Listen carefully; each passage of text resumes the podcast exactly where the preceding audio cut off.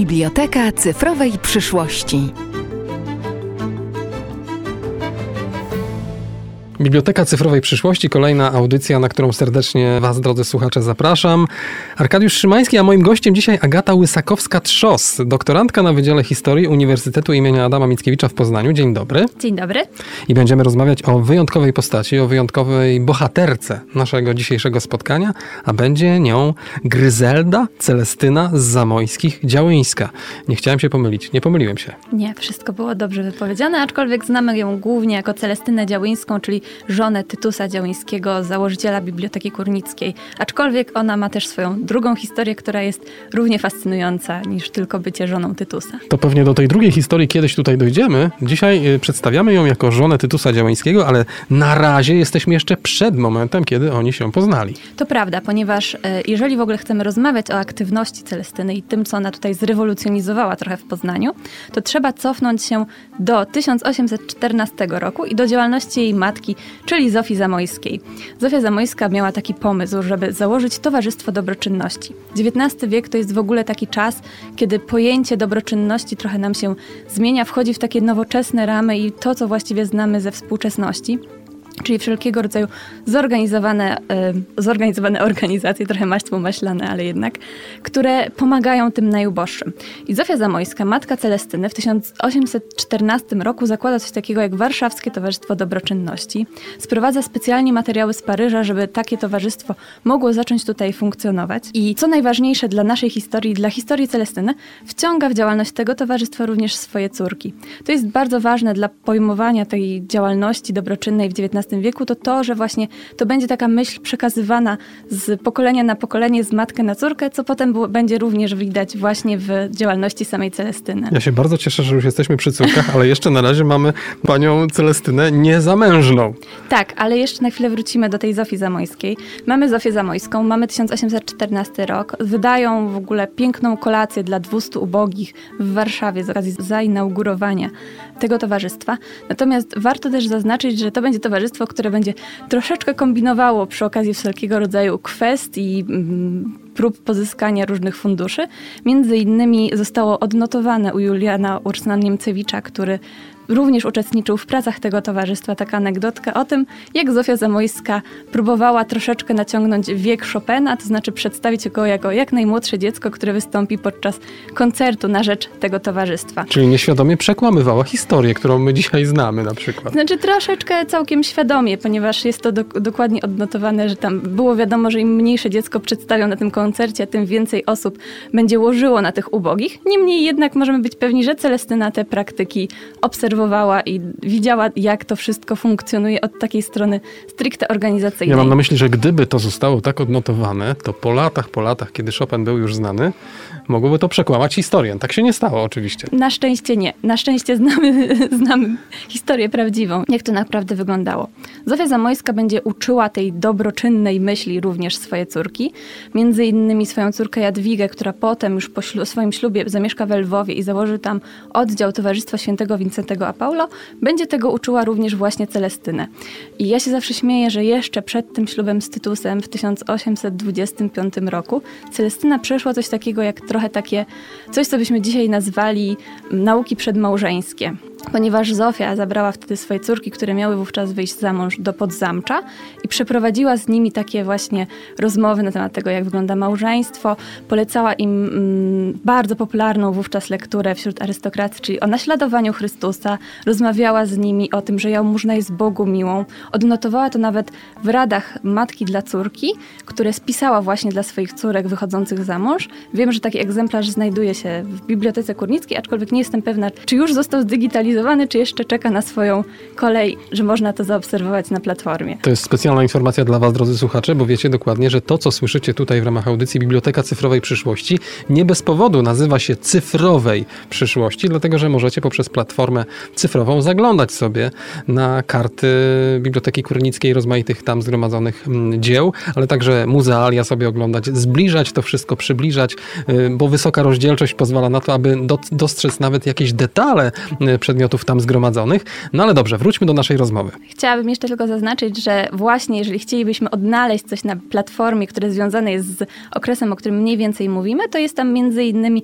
malunek, który najprawdopodobniej jest przygotowany przez Celestynę jeszcze Zamojską, który przedstawia pałac w Puławach, w którym zresztą ona wraz z Tytusem Działińskim wzięli ślub w jesienią 1825 roku. Zofia Zamojska, matka, ojciec Stanisław Kostka-Zamojski, o nim coś wiemy więcej?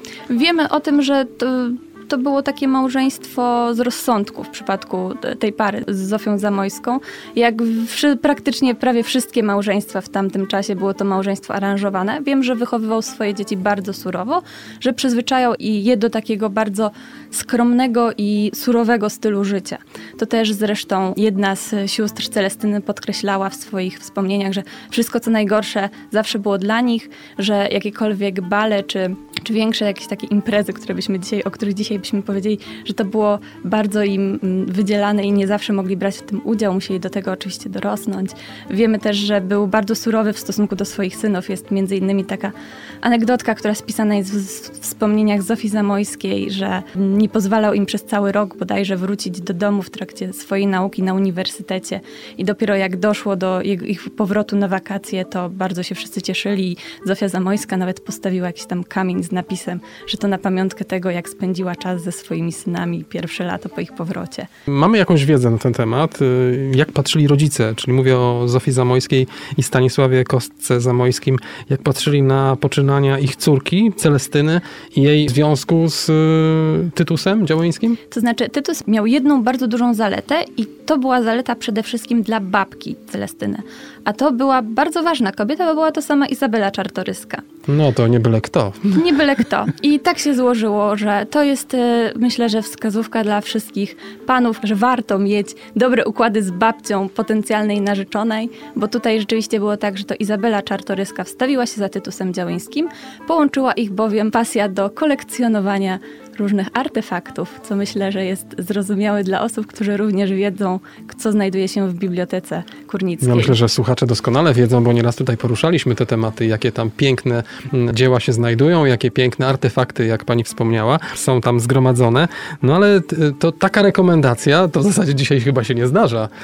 Tak, i należy też podkreślić, że w ogóle sam ślub odbył się właśnie w Puławach z namaszczeniem y, babki panny młodej. Mm, odbyło się to w ogóle 20, bodajże 25 listopada, to był dzień imienin również Izabeli Czartoryskiej i wyglądało to tak, że do południa zorganizowane były takie uroczystości właśnie ku czci imienin Izabeli Czartoryskiej, natomiast po południu już przystąpili do właściwego obrządku zaślubin, który właśnie odbył się na terenie rezydencji w Puławach. Na pewno było tak, że cele Justyna mogła zatańczyć dopiero swój ostatni taniec z Tytusem. To jest we w biografii Zofii Zamojskiej. Czyli w biografii Zofii Zamojskiej mamy jakieś informacje na temat tego, jak wyglądało wesele.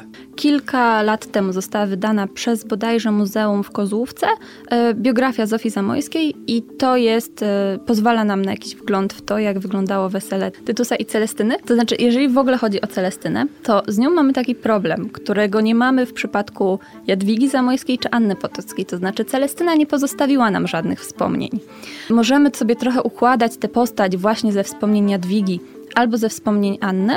Możemy ją też troszeczkę poznać dzięki biografii, która została napisana kilka lat temu przez jedną z bodajże pracowniczek Muzeum w Kozłówce, która jest poświęcona właśnie Zofii Zamojskiej, czyli matce Celestyny. I tam ona poświęciła fragment też temu, jak wyglądało to wesele. A co z tym tańcem? Jak to było, że ona nie mogła zatańczyć przez całą tą imprezę tak, tańca? Dopiero musiała... ostatni taniec? Tak, ostatni taniec dopiero Tytus mógł z nią zatańczyć. Tytus miał w ogóle pecha do tańców z Celestyną. Ale ja nie, nie bardzo rozumiem. Proszę mi to jakoś wyjaśnić. Czyli tak, jest wesele, jest para młoda i oni nie mogą ze sobą zatańczyć? Tak to wtedy wyglądało? Tak, najpierw musiała zatańczyć ze wszystkimi ważniejszymi gośćmi na imprezie, dopiero na końcu mogła zatańczyć ze swoim mężem.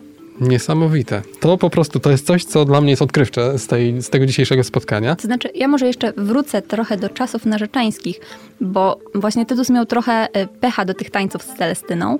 Mianowicie, kiedy ją poznał na jednym e, z e, przyjęć w Warszawie był bardzo zdegustowany, ponieważ ona tam tańczyła z wysoko postawionymi urzędnikami rosyjskimi, tam chyba nawet z samym carem.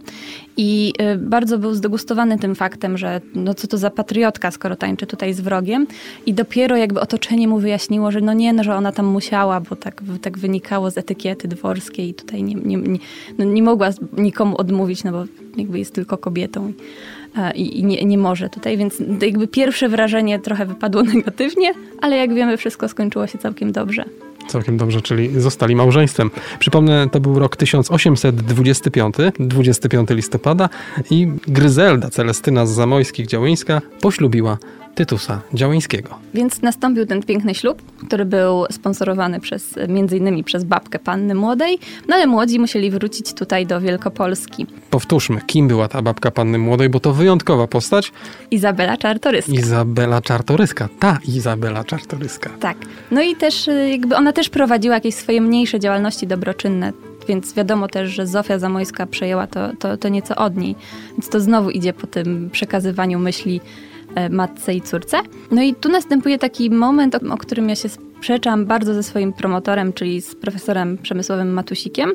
To znaczy Celestyna tutaj przyjeżdża i ona ma pomysł, co zrobi z tymi damami, które są tutaj w Poznaniu. Jakie poustawia? Jakie poustawia, że ona im pokaże, jak się robi tę działalność dobroczynną, że jak się ro, planuje takie organizacje. Bo ona się na tym zna przecież, tak? Bo ona się na tym zna. Ona przyjechała z Warszawy. Ona widziała, jak jej matka to organizowała i też, co jej matka robiła. No, ale nie za bardzo ma na to czas, to znaczy może nam się wydawać, że ma na to dużo czasu, natomiast e, zanim to, ta cała machina ruszy, zanim ona się tutaj zapozna ze wszystkim, jak funkcjonuje Poznań, to wybucha powstanie listopadowe, wyjeżdża do Warszawy. W Warszawie pomaga jeszcze rannym którzy są mm, poszkodowani w wyniku różnych działań powstańczych. Zresztą w lipcu 1930 roku rodzi się Jadwiga Zamojska, znaczy Jadwiga z Działyńskich Zamojska, więc Celestyna nie za bardzo ma jeszcze czas, żeby to wszystko w Poznaniu tutaj poukładać. Po powstaniu listopadowym na majątek Tytusa Działyńskiego zostaje nałożony sekwestr, w związku z tym musi on wyemigrować z, z Wielkopolski. Przez kilka lat tułają się z rodziną po różnych miejscach, wreszcie trafiają do Oleszyc w Galicji. To dokładnie trafiają tam w 1836 roku. To będzie taki majątek, który Celestyna po prostu dostała w ramach swojego ślubu z Tytusem. I tam Celestyna wreszcie może pokazać, jak prowadzić działalność dobroczynną i od tych Oleszyc wszystko się zaczyna. I tam y, faktycznie pokazuje, że się na tym zna? Tak. I wychodzi na to, że jednak coś na ten temat wie. I że wie bardzo dużo. I że wie bardzo dużo. Agata Łysakowska-Trzos, y, doktorantka na Wydziale Historii Uniwersytetu imienia Adama Mickiewicza w Poznaniu, Arkadiusz Szymański. To było kolejne spotkanie w ramach Biblioteki Cyfrowej Przyszłości, ale oczywiście odsyłamy Was, drodzy słuchacze, na platformę cyfrową, bo tam więcej informacji dotyczących rodu działyńskich, zamojskich i tego wszystkiego, co wiąże się z tą przestrzenią pomiędzy Pałacem Działyńskich, pomiędzy Pałacem w Kurniku, no i pomiędzy wszystkimi miejscami, także Paryżem i innymi ważnymi punktami na mapie Europy, w których ci wielcy, także poznaniacy, także wielkopolanie bywali. Dziękuję za spotkanie. Dziękuję. Audycja powstaje przy współpracy z Biblioteką Kurnicką Polskiej Akademii Nauk www.bkpan.poznan.pl